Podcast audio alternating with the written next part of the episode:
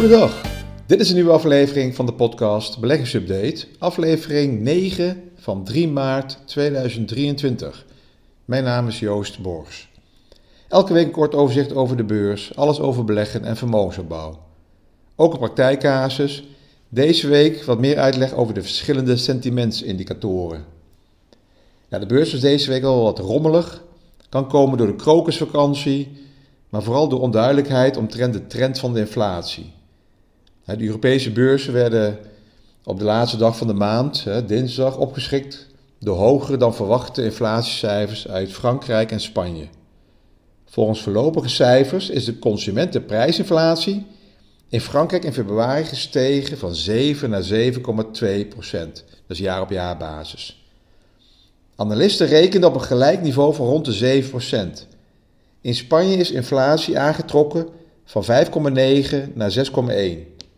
Ja, dat is veel hoger dan die verwachte daling naar 5,7. Nou ja, we zitten toch een beetje met een soort uh, sticky inflation. Het is heel lastig om inflatie neerwaarts te krijgen.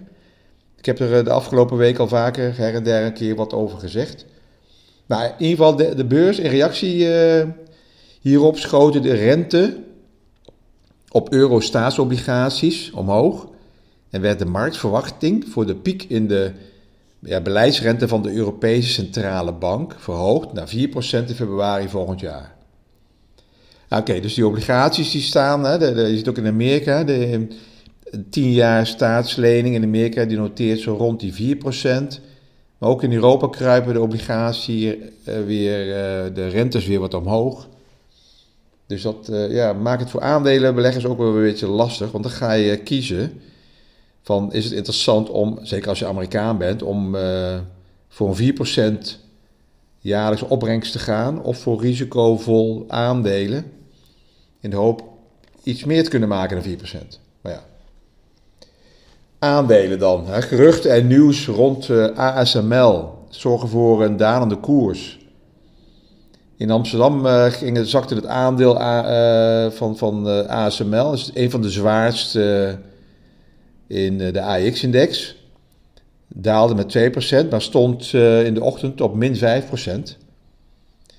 Ja, naar berichten dat die Amerikaanse, de Amerikaanse concurrent van ASML, dat is uh, Applied Materials, met een goedkopere en concurrerende chipmachines naar de markt zal komen. Ja, mocht dit de komende jaren doorzetten, dan is het geen goed nieuws voor, en het betekent en geen goed nieuws voor ASML.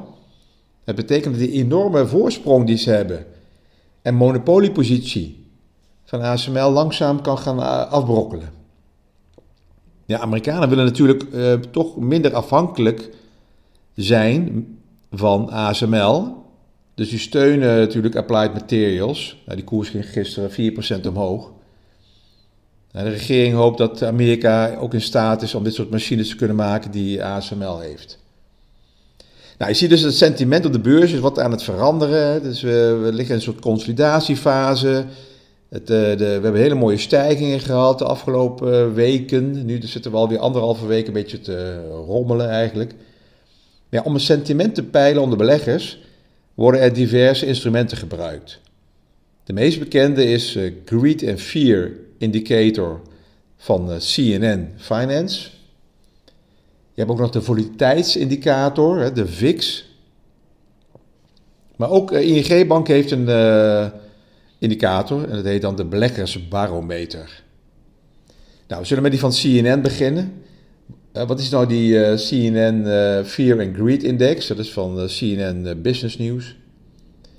Nou, de Fear and Greed Index is de manier om beursbewegingen te meten en te kijken of aandelen eerlijk geprijsd zijn.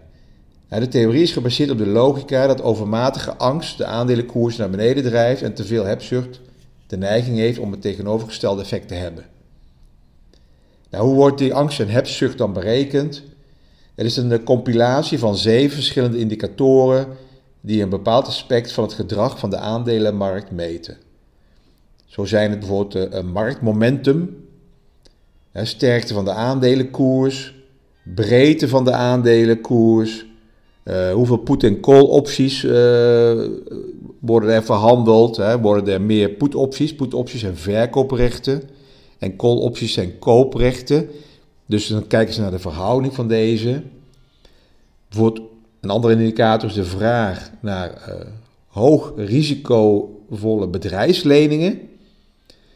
Ook de marktvolatiliteit wordt meegenomen. En de vraag naar veilige staatsleningen. Dus met al deze indicatoren worden de, uh, wordt gekeken, wordt uh, weet je, gewogen. En dan uh, komt er een percentage uit. En dat geeft dan de, ja, de, de hebzucht of de angst aan. Ja, de, de index houdt dus bij hoeveel van deze individuele indicatoren afwijken van hun gemiddelde in vergelijking met hoeveel ze normaal divergeren. Allemaal moeilijke woorden, man. Godverdorie. Oh ja, sorry. De index geeft elke indicator gelijke weging bij het berekenen van een score tussen de 0 en 100. bij 100 is het uh, maximale hebzucht en 0 maximale angst. Nou, hoe vaak wordt deze fear and greed berekend? Nou, elk onderdeel van de index wordt berekend zodra er nieuwe gegevens beschikbaar komen. Die, uh, de stand op dit moment staat nu al een maand rond de 60. En dat is het vakje greed of optimisme. En daarna heb je nog, uh, uh, nog een stukje hoger. Dus uh, we kunnen nog wat verder. Maar 60 is toch al redelijk in de buurt van hebzucht. Nou, de bewegelijkheid van de beurs, dat komt, dat komt natuurlijk, die 60 geeft ook wel aan wat we de afgelopen stijgingen gezien hebben in januari en begin februari. Maar de laatste twee weken zijn we wat aan het afbrokkelen. Dus misschien dat die indicator weer even terug kan gaan naar iets minder hebzucht. Nou, de bewegelijkheid van de beurs wordt ook vaak weergegeven door een index, de VIX-index. Nou, die VIX, ofwel Volatility Index of Volatiliteitsindex genoemd, is een veel besproken onderwerp onder beleggers. De media gebruikt uh, voor deze index graag de term uh, angstindex. Het is echter vaak voor velen nog onduidelijk wat deze volatiliteitsindex nog exact weergeeft. Ja, eigenlijk wordt die gebruikt, komt die eigenlijk uit de optiewereld. Nou, uh, de volatiliteit geeft aan hoe bewegelijk de koers van een aandeel of een index is. Des te hoger die bewegelijkheid, des te hoger de stand van een volatiliteitsindex, de VIX. Als de VIX wordt berekend en is gebaseerd op de beweging van de Amerikaanse, het wordt in, komt vanuit Amerika, wordt gebruikt voor die S&P 500-index. Je hebt uh, twee soorten, historische volatiliteit en je hebt ook uh, de implied volatiliteit. Historische volatiliteit slaat op de gerealiseerde beweging in het verleden, terwijl de implied betrekking heeft op de verwachte beweging in de toekomst. Dus deze laatste, de implied volatiliteit, dat is meer voor het berekenen van optieprijzen. Maar ik zal me even alleen maar houden met de historische uh, volatiliteit, de beweging uit het verleden. Nou, die VIX is uh, wel belangrijk, want daar, uh, daar wordt veel meer naar gekeken dan de Greed and Fear Index van de CNN. De bewegelijkheid van aandelen en indexen neemt in onzekere, onzekere tijden natuurlijk toe. Beleggers raken door bepaalde nieuwsberichten, inflatie, oorlog of economische ontwikkelingen in paniek, waardoor het dagelijkse de dagelijks volume stijgt en de eh, koersen heen en weer fluctueren. We zien enorme koerssprongen neerwaarts en dan weer een herstel. Ja, hier staat tegenover dat in tijden de beurs stijgt, de koersuitslagen veelal kleiner zijn. De beurzen stijgen beetje bij beetje, maar grote dagelijkse bewegingen blijven uit. Dus uh, eigenlijk kan je kijken als vuistregel dat bij dalende beurzen gaat vaak gepaard met enorme stijging van de volatiliteit. Want iedereen wil één keer terug, één keer eruit, en diezelfde, langs diezelfde deur, met z'n allen door diezelfde deur. Een voetbalstadion, die vult zich langzaam met 50.000. Gedurende twee uur loopt iedereen naar het stadion. En als er gefloten wordt, de afloop, wil iedereen in één keer eruit. Dat is een beetje ook wat, uh, je op de beurs ziet. Nou, ik volg die VIX-index om te kijken of, of de markt gespannen is of uh, te rustig. Als die VIX onder de 20 is, dat betekent dat die beurs, dat iedereen langzaam toch in die, in die aandelenmarkt zit. Ja, dan, dan uh, loop je natuurlijk de kans als die beurs langdurig onder die 20 staat, dat de kans dat, dat we eh, op een gegeven moment een tijdelijke schok krijgen, neerwaarts, een tijdelijke daling krijgen. Dat betekent dat mensen namelijk langdurig optimistisch zijn. Als die, als die VIX zo rond de 17 staat, en dan zie je dan ook dat uh, optiepremies, dus voor korttermijnhandelaar, die optiepremies worden dan goedkoper. Dus dan kan je ook wat kopen om je te beschermen. Nou, dus hou die VIX in de gaten. Je kan het allemaal volgen. Die Fear and Greed kan je ook gewoon, als je CNN intoets, Fear and Greed, kan je die index volgen. VIX kan je ook volgen. Op dagbasis allemaal. Nou, die ING eh, beleggersbarometer. Ja, sinds uh, volgens mij een jaar of elf uh, peilt ING het beleggersvertrouwen onder particuliere Nederlandse beleggers. Met de beleggersbarometer. Ja, dit instrument is door ING ontwikkeld en bepaalt met negen vragen de index voor het beleggersvertrouwen.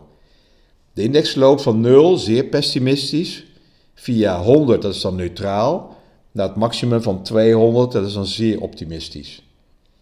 Het onderzoek wordt uitgevoerd door onderzoeksbureau Blauw Research. Ja, zij ondervragen maandelijks via representatieve steekproef ruim 400 Nederlandse particuliere beleggers. Elke maand worden andere beleggers ondervraagd. En momenteel geeft deze indicator aan dat beleggers steeds positiever worden over de beurs. Het staat iets boven neutraal. Nou, de stemming onder Nederlandse beleggers is afgelopen maand dus omgeslagen van licht negatief naar uh, positief. dat blijkt dus uit die ING-barometer. Uh, We staan op dit moment zo rond de, net iets onder de 100. Ja, de, de stijging afgelopen maand omdat beleggers uh, positiever kijken naar de algemene economische situatie, hun eigen financiële situatie en het resultaat van hun beleggingsportefeuille. We zien allemaal, we hebben allemaal weer wat verdiend in januari. Dus iedereen wordt weer wat uh, optimistischer. We gaan ook weer richting uh, de lente. De zon gaat schijnen. Dus het geeft allemaal wat positieve impulsen. Beleggers verwachten de AX dit jaar wat hoger zal gaan sluiten. Dus iedereen is, uh, ja, het kruipt allemaal toch weer naar optimisme toe. Ja, wat kan je ermee? Hè? Wat kan je met al deze indicatoren? Nou, er zijn heel veel beleggers, korttermijnbeleggers, of mensen op de optiemarkt spelen. Die houden dan die uh, in de gaten. Maar er zijn korttermijnbeleggers die met indicatoren gebruiken als middel om te handelen. Vaak vanuit technische analyse. Bij veel optimisme, als, alles, als iedereen heel optimistisch is, dan uh, gaan ze tegen de trend in, omdat de verwachting is dat er misschien bij heel te veel optimisme een daling kan optreden. Het tegenovergestelde doen ze dan bij een te, veel negativiteit, als de indicatoren allemaal negatief uitslaan. Dus te veel pessimisme bij de massa, dan gaan ze ook wel weer uh, de tegenovergestelde transactie aan, want dan denken ze de beurs kan misschien een keer weer opwaarts gaan. Dus zo kan je die uh, indicator gebruiken als je kort termijn handelt. Gevaarlijk is het wel, want de stijging of daling, hè, die huidige trend, kan langer duren dan verwacht. Dat zag je dus nadat in 2020 en 2021 de centrale banken de geldkraan openzetten, de vaccins allemaal binnenkwamen.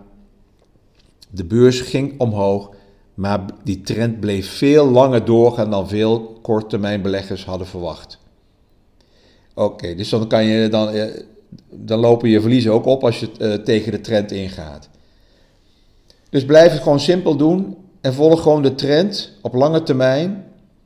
Momenteel zitten we in een dalende, consoliderende fase.